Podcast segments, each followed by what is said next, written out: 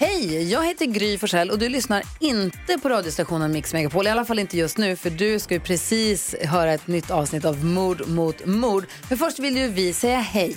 Hej, hej, det här är NyhetsJonas. Det här är Carolina Widerström. Och här är gullige dansken. Ja, och så Gry då. Och det vi vill säga att när du har lyssnat klart på den här podden, då får du gärna lyssna på våran. Vi spelar in ett nytt avsnitt varje morgon av våra podd Kvartsamtal.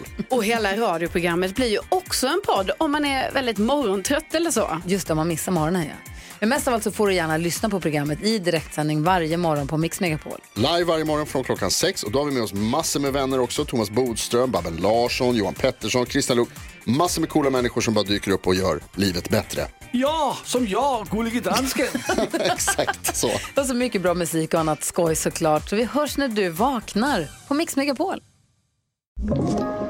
Podplay.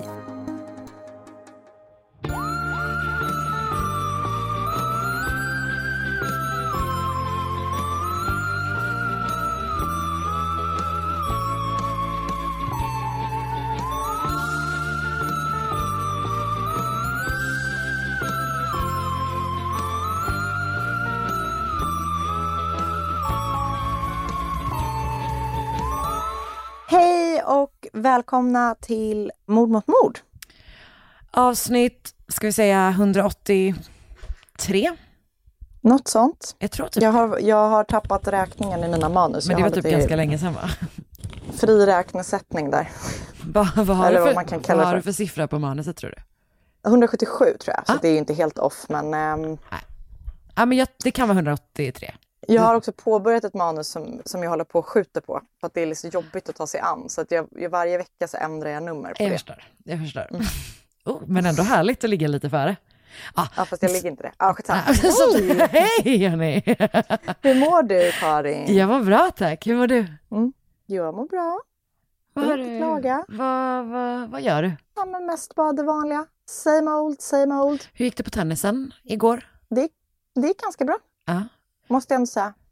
Um, alltså det är ju liksom eh, två steg fram, ett tillbaks under en och samma lektion. Det låter mer som dans. Det är lite det. Man ska vara snabb i fötterna även här. Ja. Men Men- det kanske man inte är i alla danser i och för sig. Jag vet inte, jag har aldrig dansat. Så att, eller det har jag, men inte särskilt bra. Nej. Nej, och där kan jag inte påstå att jag är vår danskorrespondent heller om jag ska vara helt ärlig. Eh, Men vi har sett folk dansa. Ja, men typ knappt.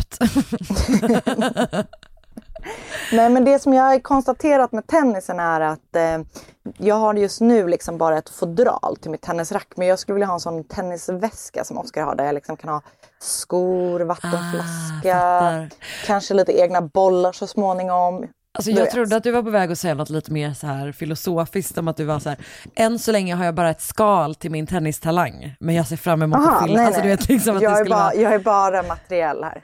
okej, Ja, jag fattar, ja men det låter härligt ju. Men det är lite pinsamt för jag är liksom lite materialsportare. För att jag har så här, jag blev ju kittad av Oskar eh, innan jag började med så här, tenniskjol, nya tennisskor, du vet. Så, här. så att jag har ju liksom så här proffs-outfit och sen är jag shit dålig. ja men det kan jag, alltså jag vet ju eh, Det motsvarigheten. är som en sån medelålders man som cyklar i lyckrakläder, lyckrakläder Ja. till jobbet. Men jag skulle också säga att det finns ju väldigt mycket en motsvarighet liksom inom häst, alltså inom ridning. Ja. Någon som liksom är väldigt, väldigt kittad och där är ju också väldigt så dyra saker. Men Mm. det är liksom svårt att sitta upp ens. Mm. Nu, ja, nu kan du säkert sitta upp i fast tennis, eh, tennisversionen. Tennistermerna det. Mm. Men du är än så länge ett skal då av din framtida talang. Precis. Nej, men, eh, det, jag här ambivalent i det där. För att det är ju pinsamt att ha bättre grejer än vad man är bra egentligen. Men samtidigt så är det ju fett tråkigt att utföra saker i liksom någon slags... Då, alltså man vill ju känna sig fin när man gör saker tycker jag. Jag tycker att du, eh, jag tycker inte ens du behöver skämmas. Nej, jag tycker det är härligt. Tack. Och jag Mm. tycker att det är, jag tycker det är härligt att du har liksom en tenniskjol. Ja. Till sommaren har jag tänkt köpa en klänning också. Det är kul att du börjat planera. Ett halvår fram. jag. Jag lever aldrig i nuet. Det är det som är så tråkigt att vara vän med mig. Jag är alltid ett halvår framåt. Fast typ, jag tänker att du också, alltså det gör, det tänker jag är också ett sätt att få ganska lång glädje av någonting. Mm. Precis, att man även- väntar på, Ja. mm, man bygger upp det. Som när man har packat långt i förväg. För Ja, en det resa. gör jag ju också. Mm. Såklart. Du då, what's cooking? Good looking. Eh, nej men tackar, tackar. nej men, du vet, det är det vanliga. Mm. Det, det vanliga som är att jag bara går runt med en vagn. Min pappa var här i helgen, det var väldigt mysigt. De, Just det, vad mysigt. de gick en promenad med Sally. Eh, jag fick panik efter väldigt kort tid. Eh, Fick du det? Ja, det fick jag för att de inte svarade när jag skrev typ så här, hej, går det bra? Och sen så bara svarade Mm. de och svarade de inte. Då tänkte jag, nu har de trillat ner i ett vattendrag. Men det hade de inte. De ville bara inte stanna för att de var rädda att hon skulle vakna då. Eh, fattar. Också så himla typiskt den generationen att vara tvungna att stanna för att kolla på sin mobil. Alltså verkligen. Men Men jag försökte, när, när jag fick sådana där stresstankar när någon inte svarade, du vet just sådär, hur går det? Mm. Då tänkte jag att om det hade hänt någonting så hade jag hört det, för då hade de ju ringt illa kvickt. det är verkligen så. Ja, inte om alla tre hade ramlat ner i ett vattendrag och blivit Nej, det är det jag tror menar. de gick ändå nära ett vattendrag. Det borde jag förbjudit dem att göra. Eh, nej men det gick, det gick väldigt bra. De eh, bodde på ett hotell här och sen så hade de, liksom, vi hade, sist vi var hos dem så hade vi glömt lite grejer. Så då var de så här, vi lämnar i receptionen. Egentligen vill jag verkligen säga, skit i det. Alltså släng grejerna, för det var så skitsaker.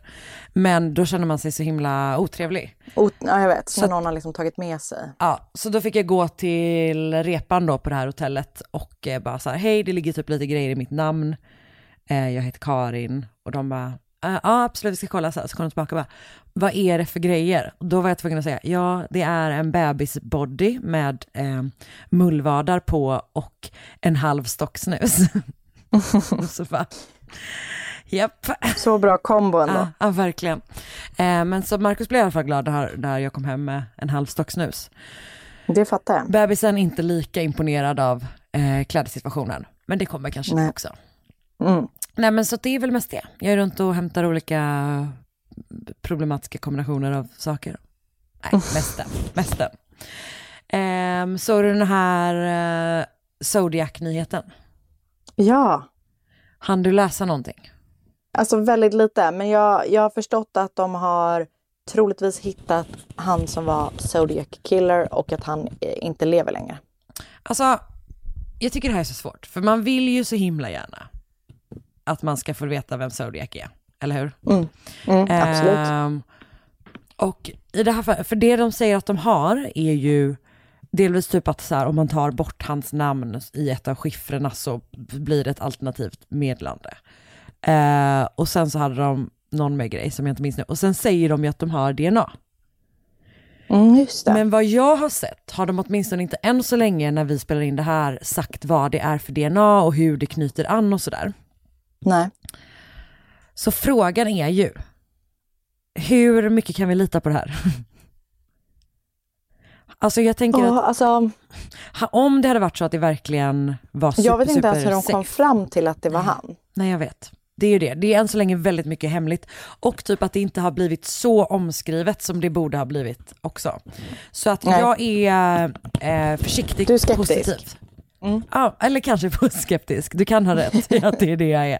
Ehm, men du vet, det är för att man så här, eller det kändes ju inte som att det var en sån liksom Golden State Killer situation. Nej, nej, det var inte en uh, We got him run. liksom. Nej, Nej. exakt. Och jag tänker också att om det är så, för att om de då har DNA-bevis så borde de ändå kanske på något sätt haft en liksom, eh, någon kontakt med polisen, antar jag. Mm. Och då tänker jag att om det är så att polisen har liksom fått klart att Zodiac är hittad så hade de så jävla gärna velat gå ut med det. Och det hade de inte. Men det kanske är lite saker som behöver checkas. Det är verkligen sant. Det är verkligen, jag är fortfarande att jag liksom, jag går med på det här, liksom giving them the benefit of the doubt. Ja, nej men det är bra. Du är försiktigt, försiktigt positiv. Och jag är försiktigt Jag är det, skeptisk. och du är skeptisk. Mm. Försiktigt Det är bra. skeptisk. Det, det känns som ombytta roller. Ja, verkligen. Och det, och det känns faktiskt härligt för en gångs skull, att Mm. jag är half, glass half full och inte tvärtom. Ja, ja men vad bra. Ja men det, det, det är ändå det är kul när sånt händer tycker jag. Man liksom då, det känns ändå liksom man har lite förhoppningar för framtiden. Vänta, pratar du om dig själv och att du ser saker som glass här full eller Nej. Zodiac? Jag håller båda efter när jag pratade faktiskt om, om Zodiac. Ja, Nej jag vet, verkligen. Alltså man, ingenting gör ju en, det pirrar ju i magen när man får en sån, när man ser en sån rubrik poppa upp i våran Facebookgrupp. Att man bara, vad Underbart. i hela? Uh, ja, nej men vi håller väl koll helt enkelt. Vi håller koll, absolut. Ehm, Eh, jag kan berätta att sen vi pratade sist har jag börjat titta på Kastanjemannen på Netflix. Okej, kan du berätta? Jag har bara liksom sett det flimra förbi, så du får gärna ge mig en... Kastanjemannen. Hanna Kastanja. De sjunger, en barnvisa som eh, går så. Åh jävlar vad läskigt. Och idag träffade jag min danska kollega på kontoret. Och tvingade så- personen så- att få sjunga. Nej, hon gjorde det självmant för att jag sa så här, för de, vi började prata om den. Ah. Eh, och då så började jag Kastanjeman och då ha, hakade hon på för att det är tydligen en sån man sjunger liksom i typ skolan och så här på förskolan och sånt. Okej, så kastanjeman och sen vad var nästa line? Det, den går, jag kan inte hela, den Nej, går nej. typ så här Kastanjeman. Du kunde bara Sen- sen- sagt det, du behöver inte. Nej, sen, sen, kom, sen kommer en mening som jag inte vet. Nej. Och sen går den Har du några kastanjer? Har du några kastanjer? Ja. Okej. Det låter Men den- eh, liksom... Det är en ganska fin visa men den blir sjukt läskig liksom när man tänker att det är i en eh, Ja, läskig serie. Just det, berätta Jag har om bara den läskiga sett serien. två avsnitt. Nej men jag har bara sett två avsnitt Mm. och eh, det liksom handlar om en, eh, en eh, kommissarie Mm. eh, som, det är lite det klassiska upplägget. Det är en, eh, en kvinnlig kommissarie som liksom blir ihopparad med någon lite strulig Ah. eh, mans partner eh, som är liksom där tillfälligt för han verkar ha haft någon tjänst i Bryssel innan. Ah. Och de teamar upp och så är det liksom, det är en flicka som har, först, för det börjar med, ut, första scenen är från 1987, typ en, en liksom ganska hemsk brottsplats. Och sen så är det nutid och då så är det lite liksom, parallella saker som man då liksom, det verkar hänga ihop och sådär. Eh, du vet ju mig, älskar Danmark, älskar dansk tv, älskar all, all den skiten de gör där nere, danskarna. Så att, eh, jag har sett två avsnitt, men jag, jag tycker verkligen att den är, alltså den är absolut ett tips. Eh, och är det något läskigt med kastanjer? För att jag vet, det var någonting som bara kändes så enormt läskigt med kastanjer plötsligt. Utan att jag någonsin har tyckt att de var och det vet innan. du, igår så kände jag, jag gick till bilen så här efter tennisand, så bara stoppade jag handen i fickan. Hittade en kastan. Nej, nej. Jo.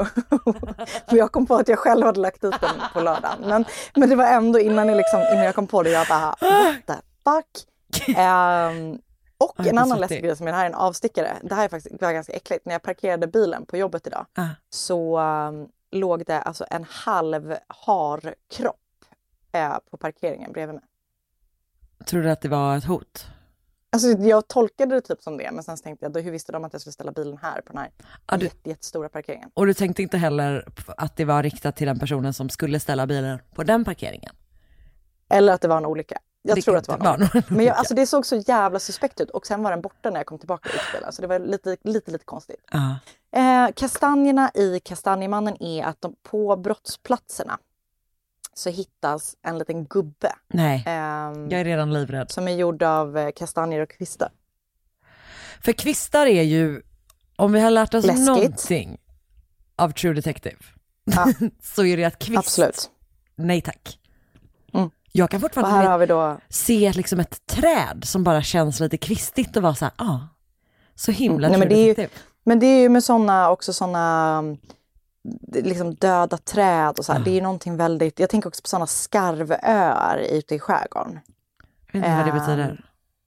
Ja, men skarv är ju en fågel som vars bajs dödar all växtlighet. Uh. Så de kanske inte finns i Göteborgs skärgård men i Stockholms skärgård finns det då alltså hela öar där skarvar har liksom typ byggt bo och bara bajsat ner hela ön Kul. så att allt är dött. Vad äter man när ens bajs Jag gör vet så? inte. jag vet inte. Ehm, Men ja, men gud. den är faktiskt, Ja. eh, jag, jag tycker att eh, den är spännande. Vi, den, är, den, vi, den kommer tittas på. Det Mm, kommer jag bra. verkligen. Bra. Mm.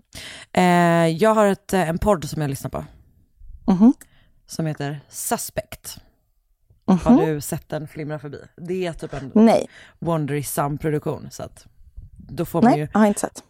alla Wondery-poddar som man har producerat, mm, prenumererat tips, på ja. får man tips av.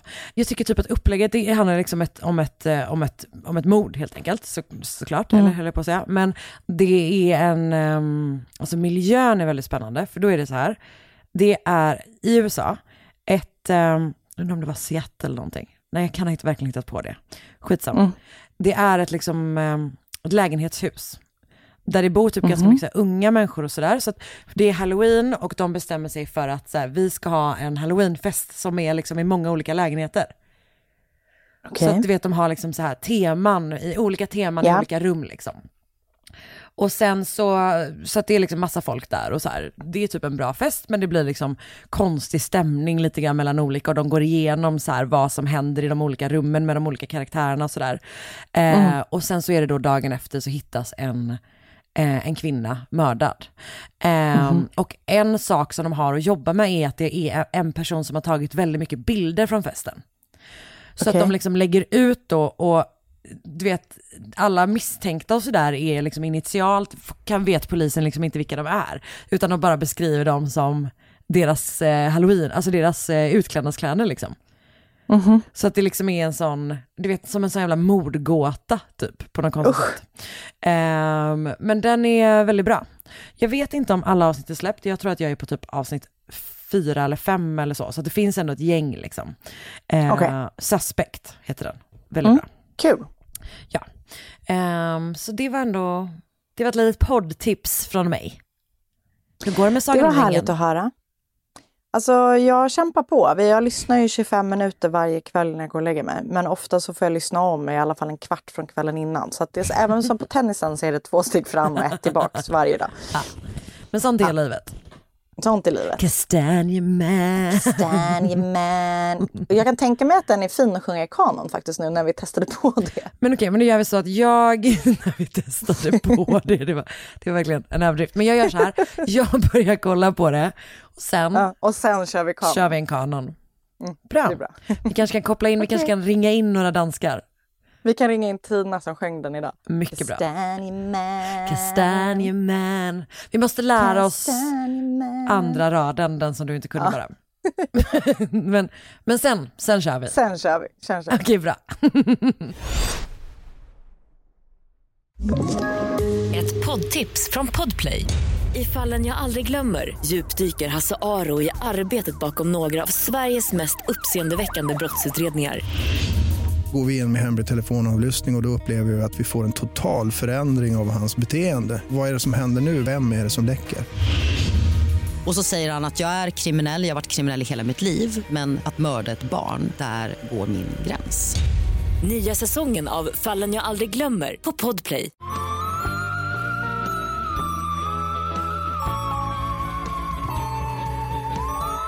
Jag är i Frankrike i den här veckan. Uh-oh.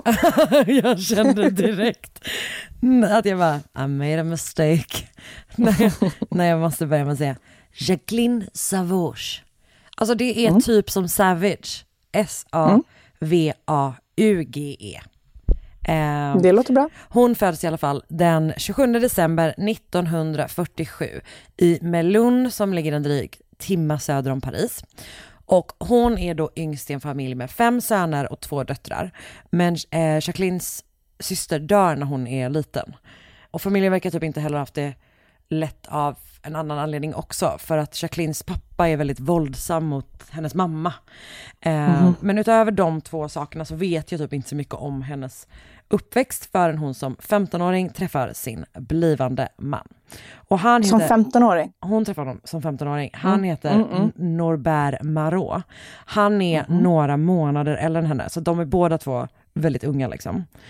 Och de träffas på någon slags fest arrangerad av typ den lokala kyrkan. Så att, Okej. pretty crazy. Men Norbert då, han är några månader äldre än Jacqueline som sagt. Och han har ändå eh, ett rykte om sig. Han är lite av en buse kan man säga. Alltså han så här, hamnar i slagsmål och sådär. Och Jacqueline faller handlöst för Norbert. Så de blir liksom ihop. Och när de är bara 17 år gammal så blir hon gravid med deras första barn. Och sen föder hon en dotter som får namnet Sylvie. Och jag tror, alltså jag tror att de eventuellt gifter sig innan hon föds. Eh, bröllopet är den 5 juni 1965 och det, hon blir åtminstone gravid innan, men jag tror att hon gift, de gifter sig innan hon, innan hon föds. Eh, och ett år senare så kommer parets andra barn. Det är en till flicka som heter Carol, eller kanske Carol. Bra.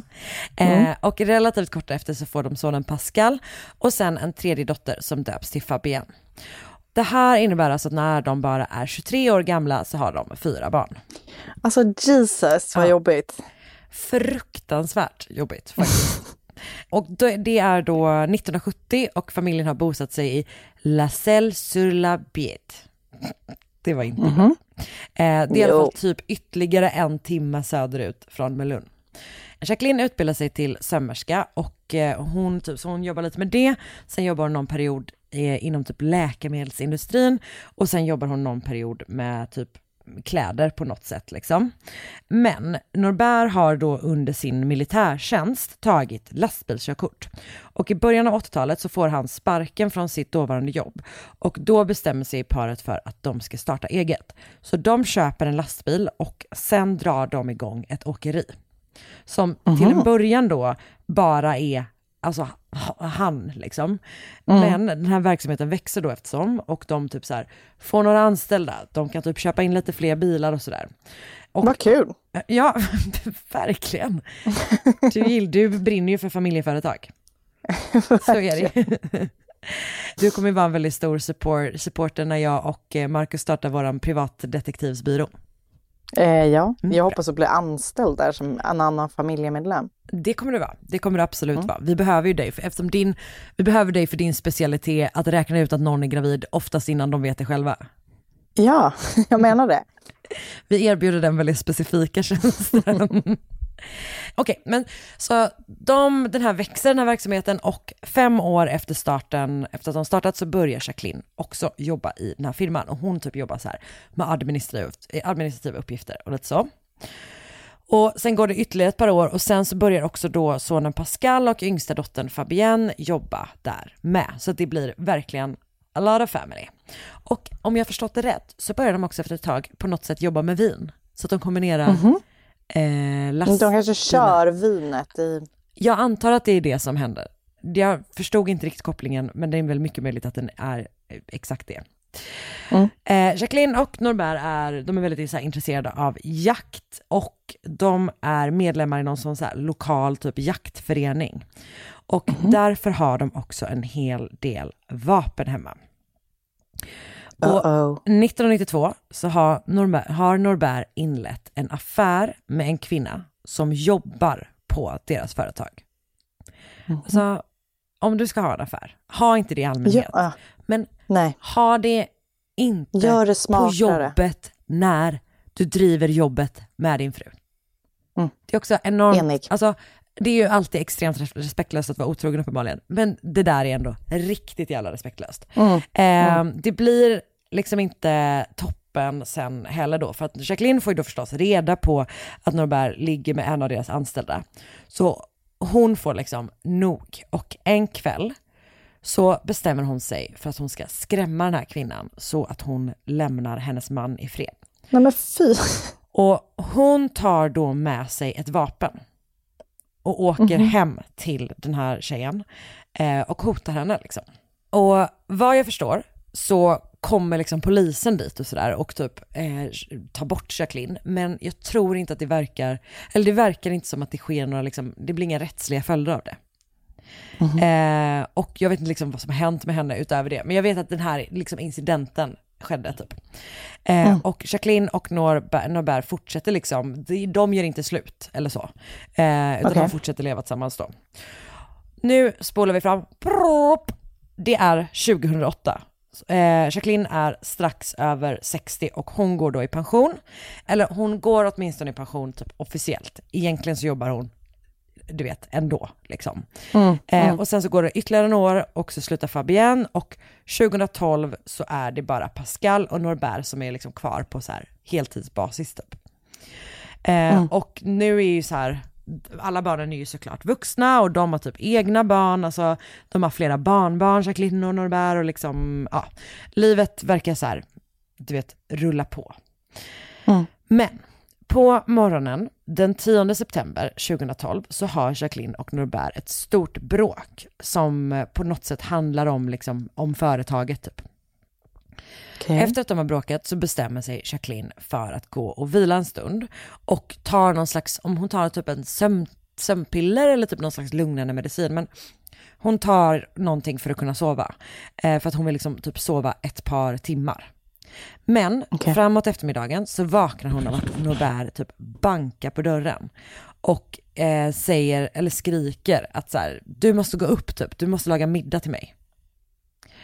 Okej. Strax efter det så kommer Jacqueline att ta ett av parets jaktvapen, alltså ett gevär, och skjuta sin man sedan 47 år tillbaka Nej. med tre skott i ryggen.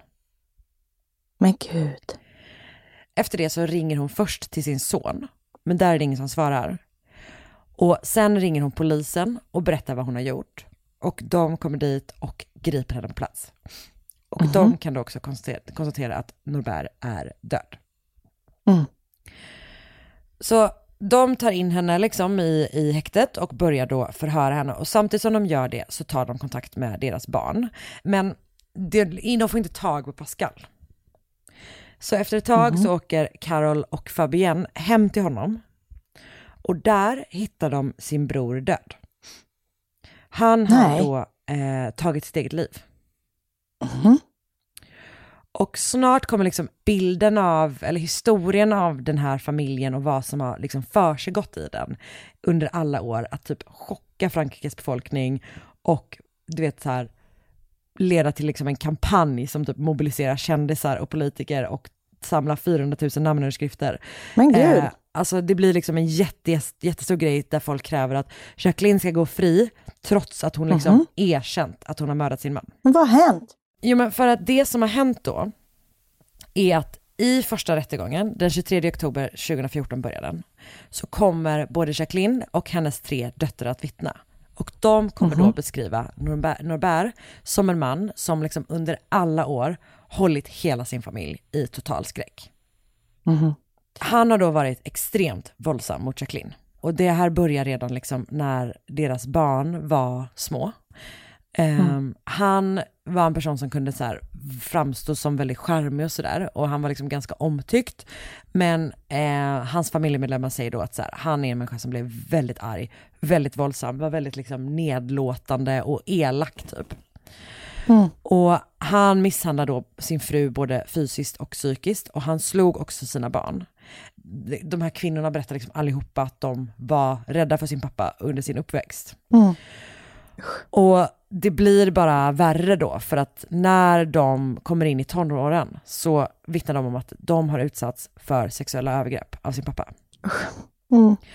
Och om jag förstått det rätt så verkar ingen av dem ha liksom känt till vad den andra har varit utsatt för. Mhm. Utan han, alla har liksom typ lidit i tysthet och trott att det bara var de som var med om det här liksom. Mm. Eh, de har inte vågat polisanmäla, eh, varken vad de, eh, vad, vad liksom deras mamma utsätts för eller vad deras bror utsätts för och han blir då liksom, eh, han utsätts också för väldigt, väldigt mycket våld liksom. Inge, i- de, har inte, de vågar inte gå till polisen eftersom de misstänker då att Norbert bara kommer att så här, han kommer inte häktas utan han kommer släppas Nej. ut och då kommer han komma hem igen och då är de rädda för vad han kommer göra mot Jacqueline. Men fy. Det finns, eller Fabienne säger att hon vid ett tillfälle har rymt hemifrån och då typ pratat med polisen. Men Mm. att de har då tagit kontakt med Jacqueline och Norbert. Så, så hon har liksom blivit hämtad av sina föräldrar istället och det har inte upprättats någon anmälan typ. Och ingenting har då hänt liksom. Mhm. Det finns några grannar som typ stöttar den här historien till viss del, eller stöttar liksom det de, de säger eh, om Norberts beteende till viss del. Det har varit mycket Mhm. bråk kring honom, alltså han har varit ganska varit i, liksom, konflikter med sina grannar. Eh, Då visar sig också att de har blivit utkastade från den här jaktföreningen på grund av att typ han har, eh, han liksom betett sig väldigt illa typ. Men ingen säger sig då ha märkt eller förstått hur illa den här situationen i familjen har varit. Nej. Och ehm, det, alltså att ingen har märkt det, vänds då liksom, eller används mot Jacqueline under hennes rättegång.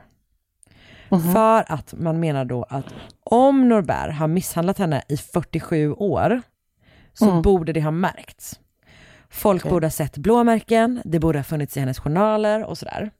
Men, eh, jo, men om man säger också så här, det borde finnas typ vittnesmål från skolor eller du vet andra, den typen av så här verksamheter som har märkt typ på de här barnen då.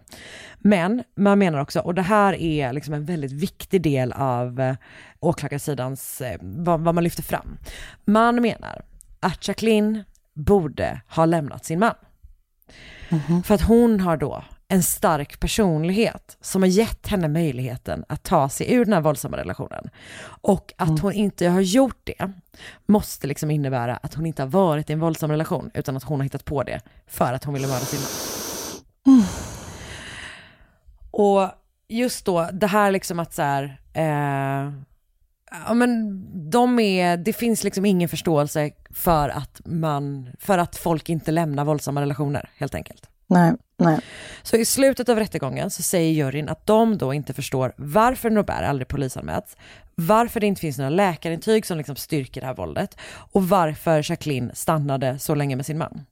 Så de dömer henne då till tio års fängelse för vad som, alltså översatt till svenska är det liksom icke överlagt mord. Mm. Den här domen överklagas liksom samma dag som den kommer eh, och det går typ ett år mellan första och andra rättegången och eh, under den tiden så blir det här fallet väldigt, väldigt uppmärksammat. Mm. Och det leder bland annat till att hon får nya advokater som heter Janine Bonadjunta och Nathalie Tomasini och de är typ ganska kända i Frankrike. För att 2012 så fick de en kvinna som heter Alexandra Lange frikänd för mordet på sin man genom att hävda självförsvar. För han hade då varit väldigt, väldigt våldsam mot henne under lång tid på samma sätt som, liksom, som i Jacquelines fall. Men det fanns en skillnad. Hon knivhögg honom samtidigt som han tog strypgrepp på henne. Okej. Så därför menar då rätten att hennes våld var liksom proportionerligt och att det var en akut situation där hon typ gjorde vad hon gjorde för att överleva i stunden. Ja. Så att Jacquelines rättegång, den andra rättegången kommer liksom att handla om det. Så här, kan det vara självförsvar om det just i den stunden inte är liksom akut fara för ditt liv? Ja, okej. För att hon har ju då skjutit honom i ryggen tre gånger. Mm. Så att man pratar då om det här med utökat självförsvar, vilket ju liksom så här det är. Eh, men man kommer också då prata om det här battered woman syndrome, som verkar räknas som en underkategori till PTSD typ. Som då kvinnor som utsätts för våld i nära relationer kan uppvisa. Och eh, det förklarar då bland annat varför man stannar med, alltså varför, varför det är så vanligt att man stannar med en partner som slår en och hur svårt det är att liksom bryta de cyklerna och faktiskt ta sig ifrån. Eh, Det är liksom så enormt absurt att det här inte verkar ha kommit upp typ i första rättegången. Eh, Nej. men det är, väl, det är väl egentligen lite grann samma sak som du vet i våldtäktsfall, där eh, man har en sån tydlig bild av hur man tycker att typ ett offer ska bete sig, Ska och så vara- gör vi inte mm, det. exakt. För att så är Usch, ja. Mm. inte människan liksom. Och sen så när de inte, man, man inte gör det så vänds det emot den typ. Mm. Så att Jacquelines advokater menar helt enkelt att så här, hon lider då av PTSD till följd av 47 år av våld. Mm. Och det här med eh, Pascals, eh, alltså sonens självmord, Mm. verkar som att det är inte det att hon har fått reda på det och sen mördat sin man. För hon får reda på det först i förhör liksom. Men däremot så har det varit, alltså sonen har liksom utsatts för mycket våld och det finns också vittnesmål om, att, eller um, döttrarna berättar, har själva berättat att, att son, alltså att Pascal fick reda på vad pappan hade gjort mot dem. Eh, ganska Okej. kort innan han liksom avslutade sitt liv då liksom. Åklagaren i den här andra rättegången menar då att mordet på Norbert omöjligt kan räknas som självförsvar för att det ska vara en proportionell reaktion eh, på våld man är utsatt för och det anses inte vara proportionellt, proportionerligt i förhållande till det, vilket ju är svårt att, avgöra såklart. Och då att det inte är en direkt reaktion på något som Norberg gör i stunden. Däremot så säger Jacqueline att han hade varit våldsam mot henne bara liksom, du vet, precis innan det här hände liksom. Mm. men det finns inga då, det menar åklagaren att det finns inga läkarintyg eller inga liksom den typen av bevis på eh, det våldet typ.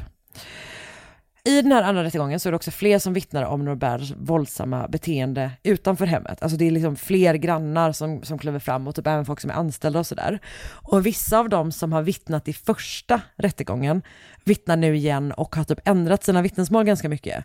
Så att de beskriver honom ganska annorlunda. Så mycket att det typ, det liksom talas om att vissa av dem typ ska kunna anmälas för mened.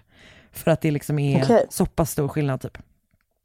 Och då finns det teorier om att de har påverkats av mediebevakningen och typ att den allmänna opinionen har vänt och att man till stor del liksom tror på Jacqueline och hennes döttrar. Så att, ja, då tänker man att så här, de kan ha påverkats då av liksom det som har rapporterats om det här fallet.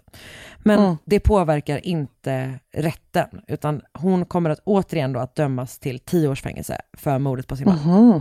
Efter det här så upprättas en namninsamling som protesterar då mot vad som beskrivits som ett för strängt straff då med tanke på vad hon har utsatts för under så lång tid. Och den här, under, Mm. den här namninsamlingen samlar 40 000 underskrifter på en vecka.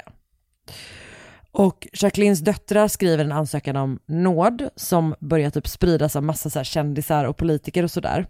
Och den 22 januari 2016 så protesterar feministiska aktivistgruppen Femmen utanför det fängelset där Jacqueline sitter av sitt straff. Och dagen efter så blir det en så här manifestation i Paris där några typ hundra demonstranter kräver liksom rättvisa för Jacqueline typ. Mm-hmm. 26 januari så får Jacqueline besök av två politiker som sitter i, i liksom franska parlamentet. Och de politikerna, alltså de kommer hälsa på henne i fängelset och sen skriver de liksom ett svar typ på den här eh, ansökan om, eller nej, de skriver en, liksom, de kräver ett svar på ansökan om benådning av Frankrikes dåvarande president François Hollande. Och det bara ger ju det här fallet ännu mer uppmärksamhet. Så det liksom blir bara större, större, större. Och Mm. till slut då så har de samlat mellan 350 000 och 400 000 namn, eh, namnunderskrifter. Shit. 29 januari 2016 så träffar François Hollande, Sylvie eh, Carol och Fabienne och Jacquelines advokater på LSE-palatset för då att liksom höra vad de har att säga. Så att nu är det hela vägen uppe hos presidenten typ. Mm. Och han säger då att så här, jag behöver liksom se över det här fallet. Men två dagar senare så kommer hans beslut. Han ger eh, Jacqueline Savage en eh, partiell benådning. Eh, Mhm. Som gör då att hon inte släpps fri. Men däremot så kan hon ansöka om villkorlig frigivning direkt istället för efter att hon har suttit av hälften av sitt straff, vilket är vad som gäller annars liksom. Mm. Hon, eh, så att då flyttas hon till typ en annan eh, an- anstalt och sen så påbörjas en sex veckor lång utredning där man då beslutar att hon inte ska släppas. Och Jacqueline överklagar det och nu är det då höst 2016 när fallet tas upp i hovrätten i Par- Paris. Mhm. De står fast vid samma beslut.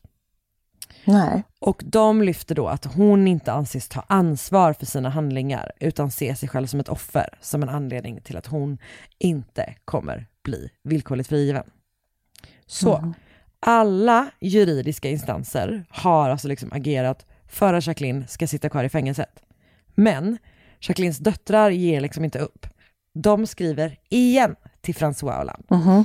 och ber Mhm. honom om en total benådning för deras mamma. Och den 28 december 2016 så kommer beslutet. Frankrikes president benådar Jacqueline Savage och hon släpps ur fängelset samma dag. Mhm. Och det här, sjukt. ja det är så jävla sjukt. Och det här liksom beslutet ifrågasätts väldigt mycket för att det liksom är en politiker då, eller pres- presidenten, som går emot Mm. alla rättsliga instanser som liksom ska vara fristående från staten eh, och bara bestämmer hur det ska vara istället liksom. Och man menar då att så här, den här typen av rättsliga processer ska inte på, kunna påverkas av typ kampanjer i sociala medier typ. Men för Jacqueline Savage då och hennes döttrar är det liksom en enorm seger såklart. Och hon är 69 år gammal när hon släpps ur fängelset. Och hon flyttar tillbaka till det här La, sur, La Selle sur le Bied. Samma by som hon då har bott större delen av sitt liv. Eh, Jacqueline Savage dör eh, tre år senare, så 2019. Då är hon 72 år gammal. Och Emmanuel Macron, som då har hunnit bli president, skriver då på Twitter. Jacqueline Savage dog som en fri kvinna. Hon blev en symbol för kampen mot våld mot kvinnor. Det är en viktig kamp för oss och som vi kommer fortsätta att leda. Mina tankar är med hennes familj. Så det här liksom, affären Jacqueline Savage blev liksom gigantisk i, eh, i Frankrike. Och det verkar som att de har um, alltså ett par sådana här, både hon här Alexandra Lange men också någon, någon till där, där ehm, som liksom ofta kopplas ihop typ. Och att man har använt just det här om självförsvars ehm, försvaret liksom. Eh, och det är intressant just det här som de då ifrågasatte, är det självförsvar när man inte i Ja, stunden verkligen. är utsatt för någonting och samtidigt som att så här, ja hon har utsatts för våld i 47 år. Ja, men för att liksom hur liksom det där att bli utsatt för någonting i stunden. Alltså, jag vet inte, jag blir bara... Ja, det är fruktansvärt. Eh, och jag har då läst ett helt gäng olika nyhetsartiklar med så långa franska rubriker som jag inte kommer att försöka mig på. Är du Eh? Ja, jag har då läst en som är skriven av Lucille Quill Quillette. jag gav upp. Jag gav upp mitt i. Hon skrev på Le Figaro. Eh, François Koch för L'Express, eh, La Republiques genomgång, de har typ en, du vet, en, så här, en viktiga datum eh, artikel. Och sen har jag läst eh, Liberation. är jag bra? Mm, kör. Säg att jag är bra. Mm. Eh, Ja, deras du är grym. dödsruna. Och sen så har jag också, och nu är vi över på de engelska, John Litchfield för The Independent, Euronews och France 24. De har inga bylines de artiklarna. Och sen ett gäng olika sidor på Wikipedia, bland annat franska eh, Wikipedia-sidan för då Jacqueline Savage-affären. Wow. Bra, bra jobbat. Tack ska du ha. Ett poddtips från Podplay. I podden Något Kaiko garanterar östgötarna Brutti och jag, Davva, dig en stor dos skratt. Där följer jag pladask för köttätandet igen. Man är lite som en jävla vampyr. Man har fått lite blodsmak och då måste man ha mer. Udda spaningar, fängslande anekdoter och en och annan arg rant. Jag måste ha mitt kaffe på morgonen för annars är jag ingen trevlig människa. Då är du ingen trevlig människa, punkt. Något Kaiko, hör du på Podplay. Därför är gardinerna.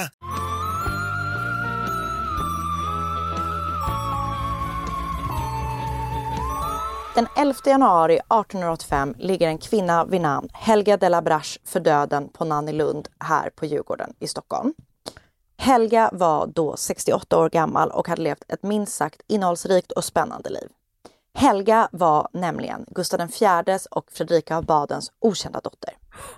1859 klev Helga fram i Sverige efter att ha levt år i skymundan och berättade vem hon var och krävde att hon ska få apanage eller någon slags pension från kungahuset. Bra. I tidningen Ny Illustrerad Tidning skrevs det då vid döds, alltså vid eh, när Helga dog. Nu är hon verkligen död och begraven och med henne antingen en hög hemlighet eller stor humbug. Jag kan ej neka till att jag för henne haft ett visst intresse, ty antingen har hon varit rov för en fix idé eller gått igenom hela sitt liv med en lögn. Så låste hon har lidit mycket och lidandet, kanske mest om det är självförvållat, uppväcker dock alltid medkänsla. Okej. Och det citatet är från boken Karl den XVs dagar, personer och händelser skriven av eh, Karl Hallendorf. Gud, du har verkligen Men, gone eh, deep. Verkligen. Så låt mig berätta Helgas berättelse. För alltså, jag blev så liksom så här historieintresserad måste jag säga när jag, när jag läste det här. Så jag, eh, jag, ja. Men Gustav IV var ju då eh, kung i Sverige och ehm, men han och hans fru då, Fredrika av Baden med deras fem barn eh, landsförvisades på 1910-talet eller 1810-talet, sorry. Eh, och efter det så tillbringade de sin tid främst i Tyskland där Fredrika då kom ifrån. De skilde sig 1812, eh, vilket jag gissar var ganska ovanligt på den här tiden, eh, när deras yngsta dotter Cecilia endast var fem år gammal. Men det som ingen visste då, utan som blir eh, officiellt, eller vad man ska säga, eh, genom Helga, var då att Gustav IV och Fredrika av Baden hade gift om sig i en hemlig ceremoni i slutet på 1810-talet, någonstans i Tyskland. Och efter den här hemliga omgiftningsceremonin så hade de då fått sitt sjätte barn, Helga, som föddes i Lausanne 1820. Men så de hade skilt sig och sen gift sig igen och sen fått ett barn? Helgas födelse skulle hållas hemlig, så Helga fick först bo med sin mamma tills Fredrika av Baden till slut dog 1800, nej, 1926. Nej, förlåt. Nej. 18, 1800? 1826. Och efter att mamman då hade dött så flyttade Helga med sin pappa, Gustav IV, runt om i Europa tills hon till slut fick komma till kungens faster, prinsessan Sofia Albertina i Sverige. Och där bodde då Helga fram tills att Sofia Albertina dog 1829 när Helga var då nio år gammal. Efter att Sofia Albertina hade dött så fick Helga sedan vara i Vadstena på Vadstena hospital som verkar vara någon liksom sån eh, mer mental institution. Jag vet inte exakt vad det var för något. Mm. Tillsammans med en guvernant så att hennes existens kunde fortsätta att hållas hemlig. 1834 fick hon återvända till Baden i Tyskland till några bekanta till hennes mammas Fredrika eh, där hon då kunde fortsätta hållas hemlig för eh, liksom, omvärlden.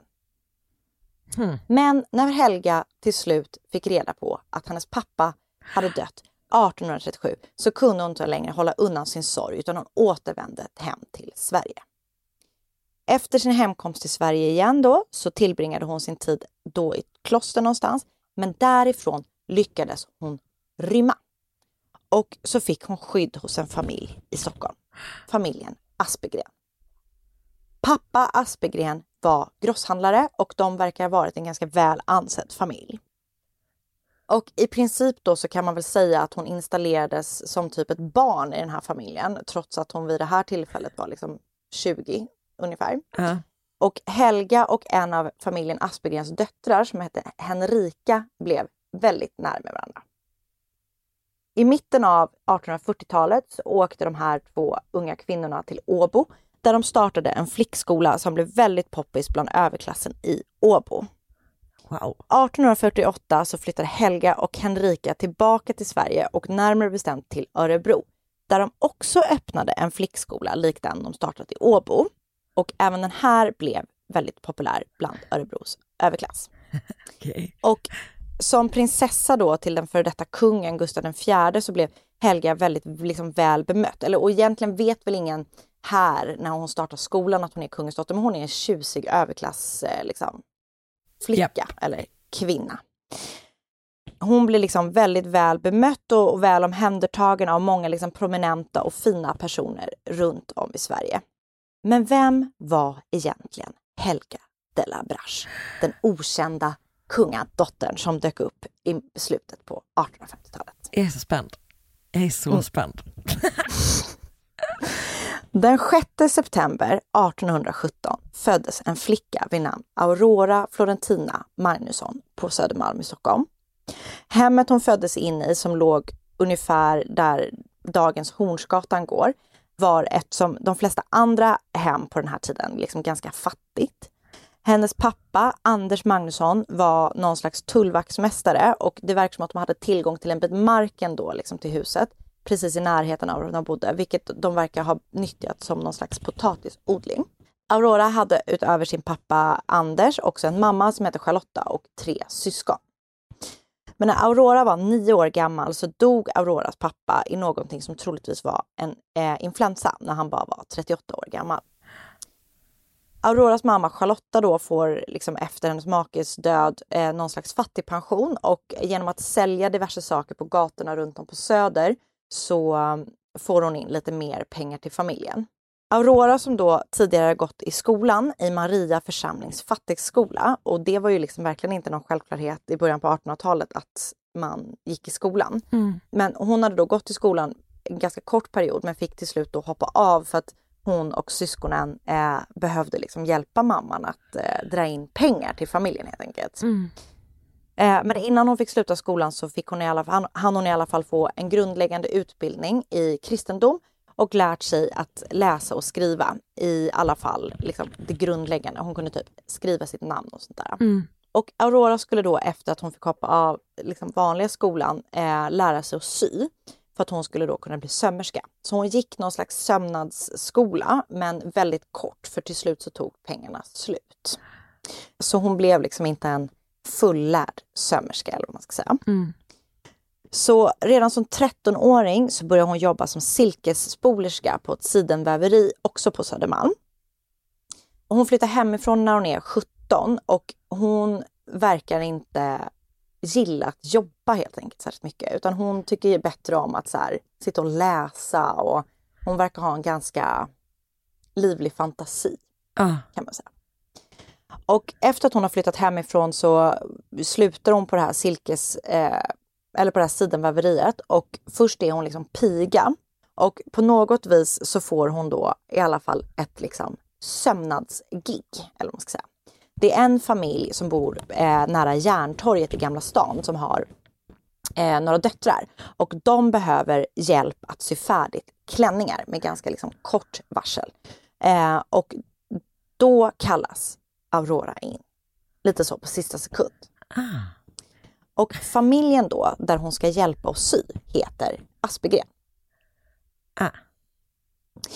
Och eh, när Aurora har sytt färdigt klänningarna till då döttrarna Aspegren, Henrika, en av de här döttrarna, eh, någonting som hon verkar ha gjort liksom, quite poorly. Eh, Vad dålig. hon var ganska dålig på det. Så kör hon någon sån stackars mig-act lite så. Hon, eh, du vet, gråter och är så här, jag har ingenstans att bo och jag har ingen familj och så här, vilket typ är ju sant i och för sig, men liksom hon var ju där för att utföra ett jobb.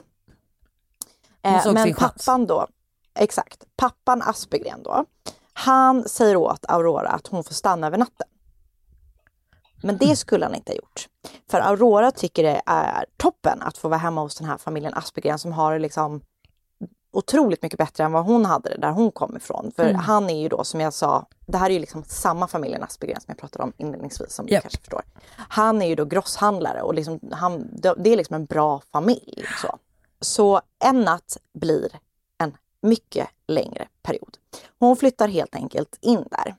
Och eh, Aurora och Henrika då, som är den ena dottern, blir bästisar. Så Och, allt det eh, stämmer? Japp. Allt det stämmer.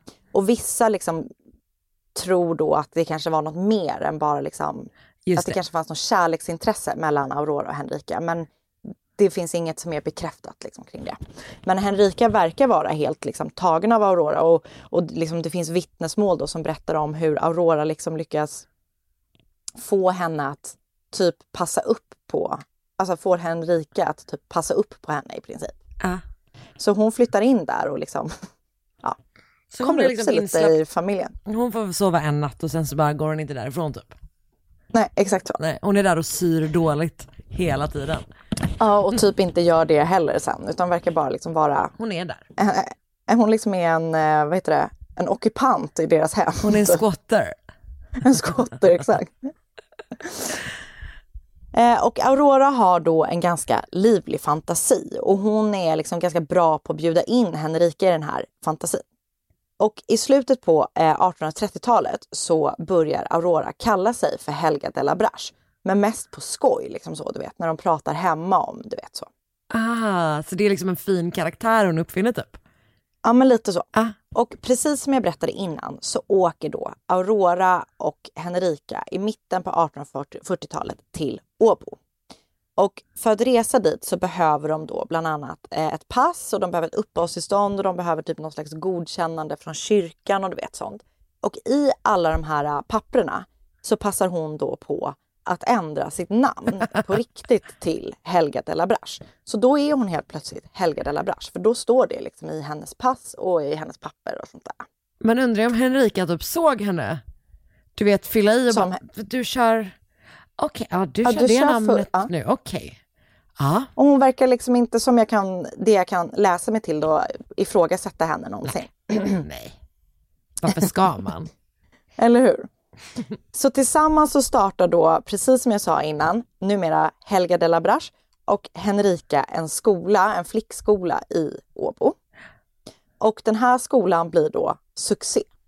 Trots att Helga i alla fall, eller Aurora, jag kommer nog kalla henne för Helga framöver. Ah, gör det blir liksom, Nu byter vi. trots, trots att Helga då knappt själv gått i skolan så lyckas hon då ändå starta en, liksom en framgångsrik eh, skola för eh, överklassen i Åbo. Hon är som den, den tidens liksom sån skolentreprenör. ja, exakt. Hon erbjöd så, hon bara, vi har bara klassrumslektioner tre dagar i veckan, två dagar är det fritt Och ni arbete. får en iPad.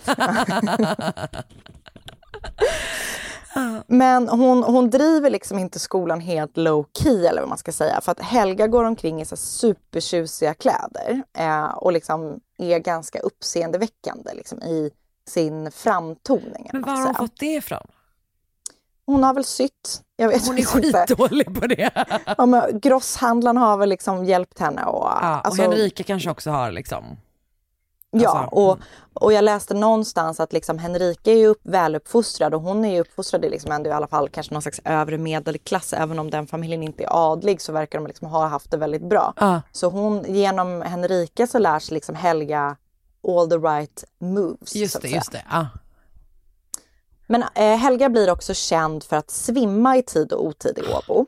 För så fort hon hamnar i några slags jobbiga situationer så svimmar hon. Och alltså när det är liksom- move. Alltså verkligen. Och jag kan tänka mig att Henrika är så, fram med luktsaltet. Tror du inte? Alltså verkligen. Verkligen Och det är så. så kul. Alltså det är så, jag typ får den känslan själv på jobbet. Att man bara, det här är jobbigt, nu svimmar jag. Alltså bara så här, gör någonting bara för att ta, get me out of here. Ja men jag hade ju en, eh, en kompis som jag hade en lärare som gjorde det. Men Det är exakt som Helga de la Brache. Så verkligen var det Helga. Så att hon bara, alltså, Ehm. hon gjorde så Ooh! så la hon handen på pannan och signade ner typ. Men det var gud. en väldigt jobbig klass så att jag förstår henne och respekterar det. Alltså verkligen, 100 procent. Okej, Men när hon då ställs i sådana situationer så ibland svimmar hon och när hon vet då typ att hon ska hamna i någon konfrontation eller man ska säga med en förälder, typ om de är så här, men jag skulle gärna vilja sitta med på Karins eh, franska förhör idag. Så blir Helga sjuk, Ja. liksom akut sjuk och försvinner i flera dagar. Okej. Så till slut så blir liksom fler och fler människor i Åbo misstänksamma. För vilka är egentligen de här kvinnorna liksom, som bara har dykt upp, startat en skola och liksom sådär. Ja. Så Helga och Henrika bestämmer sig för att lämna Åbo. Och de åker då tillbaka till Sverige och precis som jag berättade innan så startar de även en skola i Örebro. Och även den blir då succé till en början. Men efter ett tag blir då även barnens föräldrar där misstänksamma mot de här två kvinnorna. Liksom. De fattar inte riktigt what's the deal typ. Och det de blir misstänksamma mot är typ så här undervisar ni någonting? Alltså det är liksom den, Ja, Jag vet inte riktigt, eh, för det verkar också som att de är lite så misstänksamma mot så här, vem är hon egentligen? ja, är hon Alltså, verkligen att den där personen hon utger sig för att vara? Lite så typ.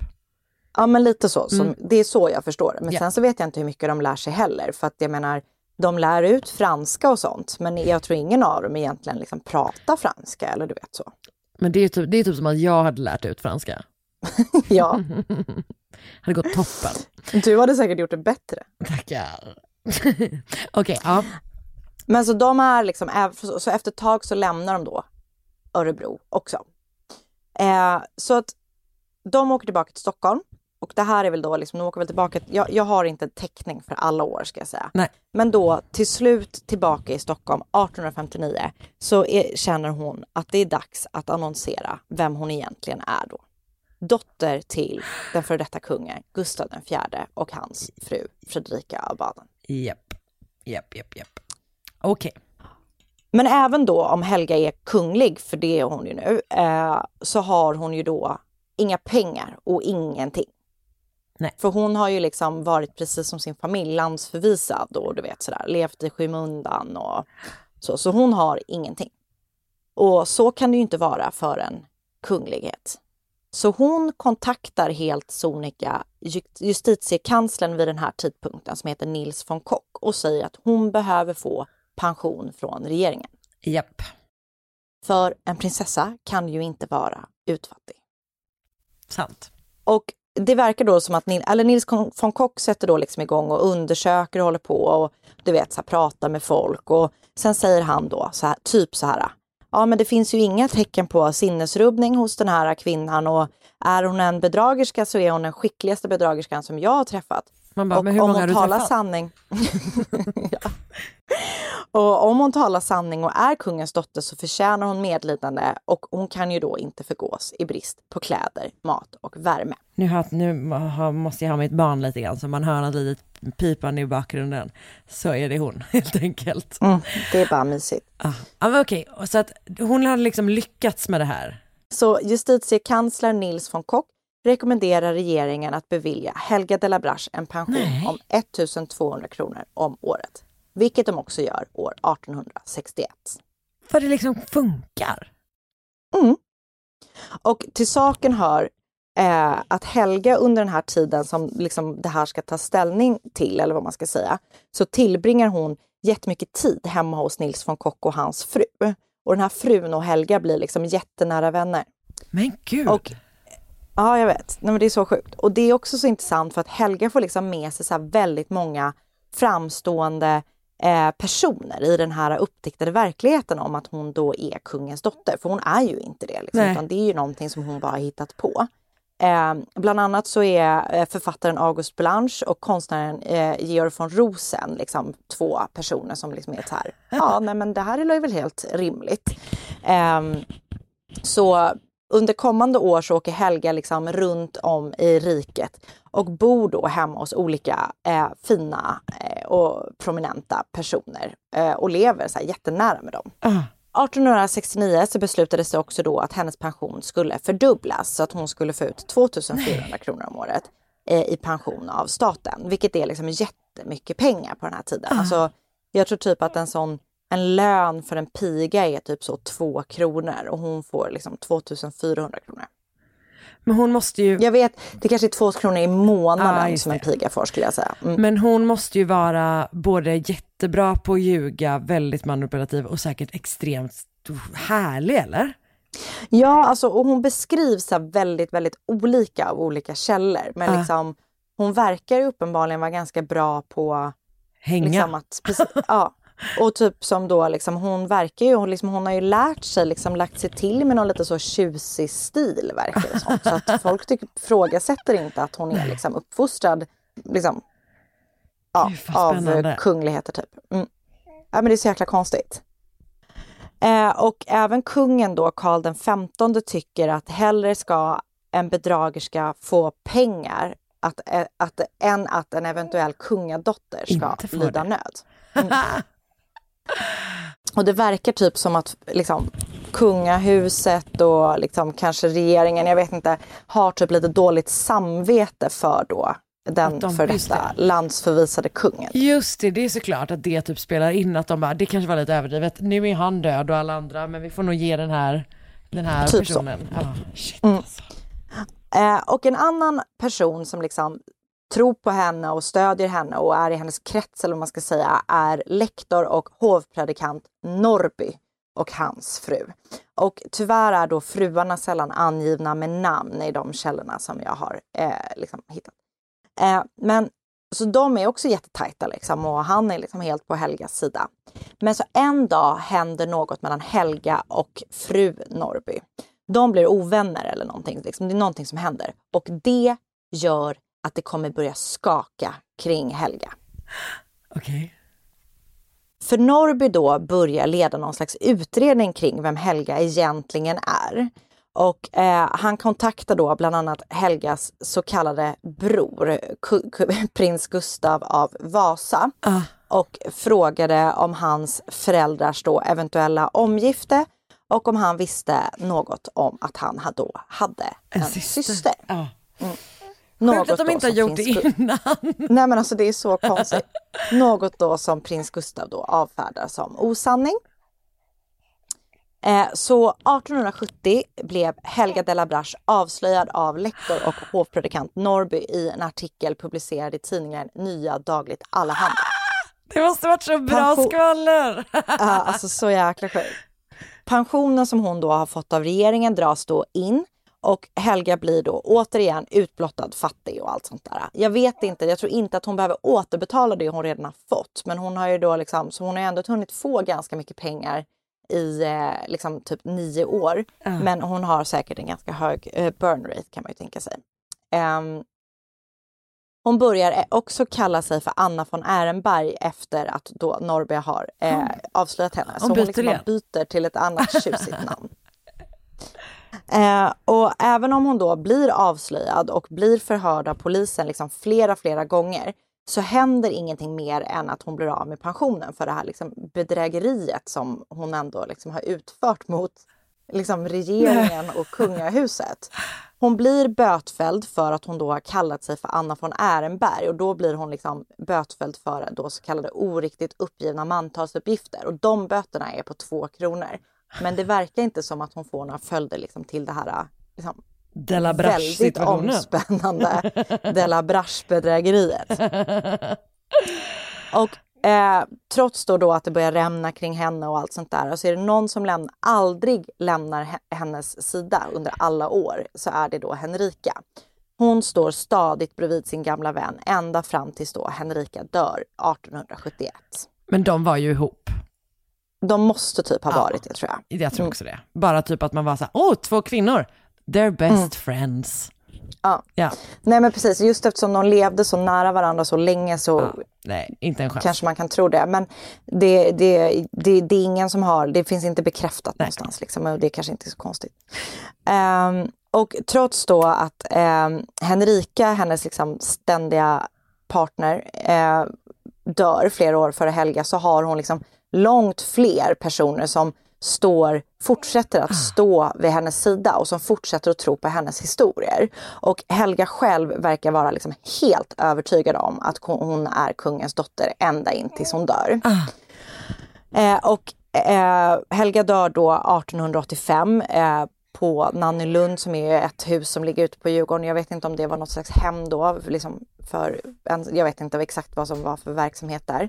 Eh, men hon då liksom står fast vid eh, eh, vem hon är ända fram tills dess.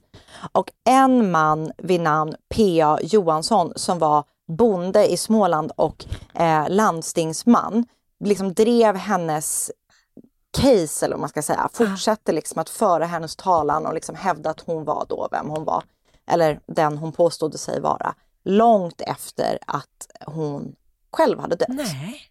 Mm. Vad fan hade hon liksom? Mm. Det är så spännande. Jag tror inte jag hade lyckats med det. Nej, inte jag heller. Så det var historien om Aurora Magnusson, också känd då som Helga de la Brache, eller mer känd kanske jag ska säga som Helga de la Brache. Vilket jävla namn det är med.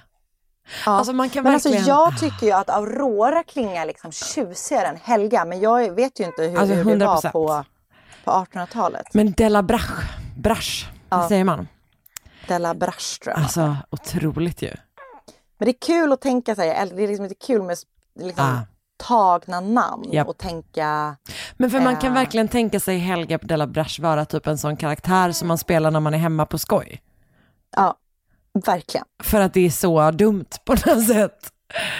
Alltså wow, vilken jävla historia. Mm. Man får ju ändå ge henne kudos för eh, liksom, att hon höll ut så länge i det där. Men hon måste ju varit en topp, alltså en underbar personlighet. Det, det, annars kan det ju inte ha gått.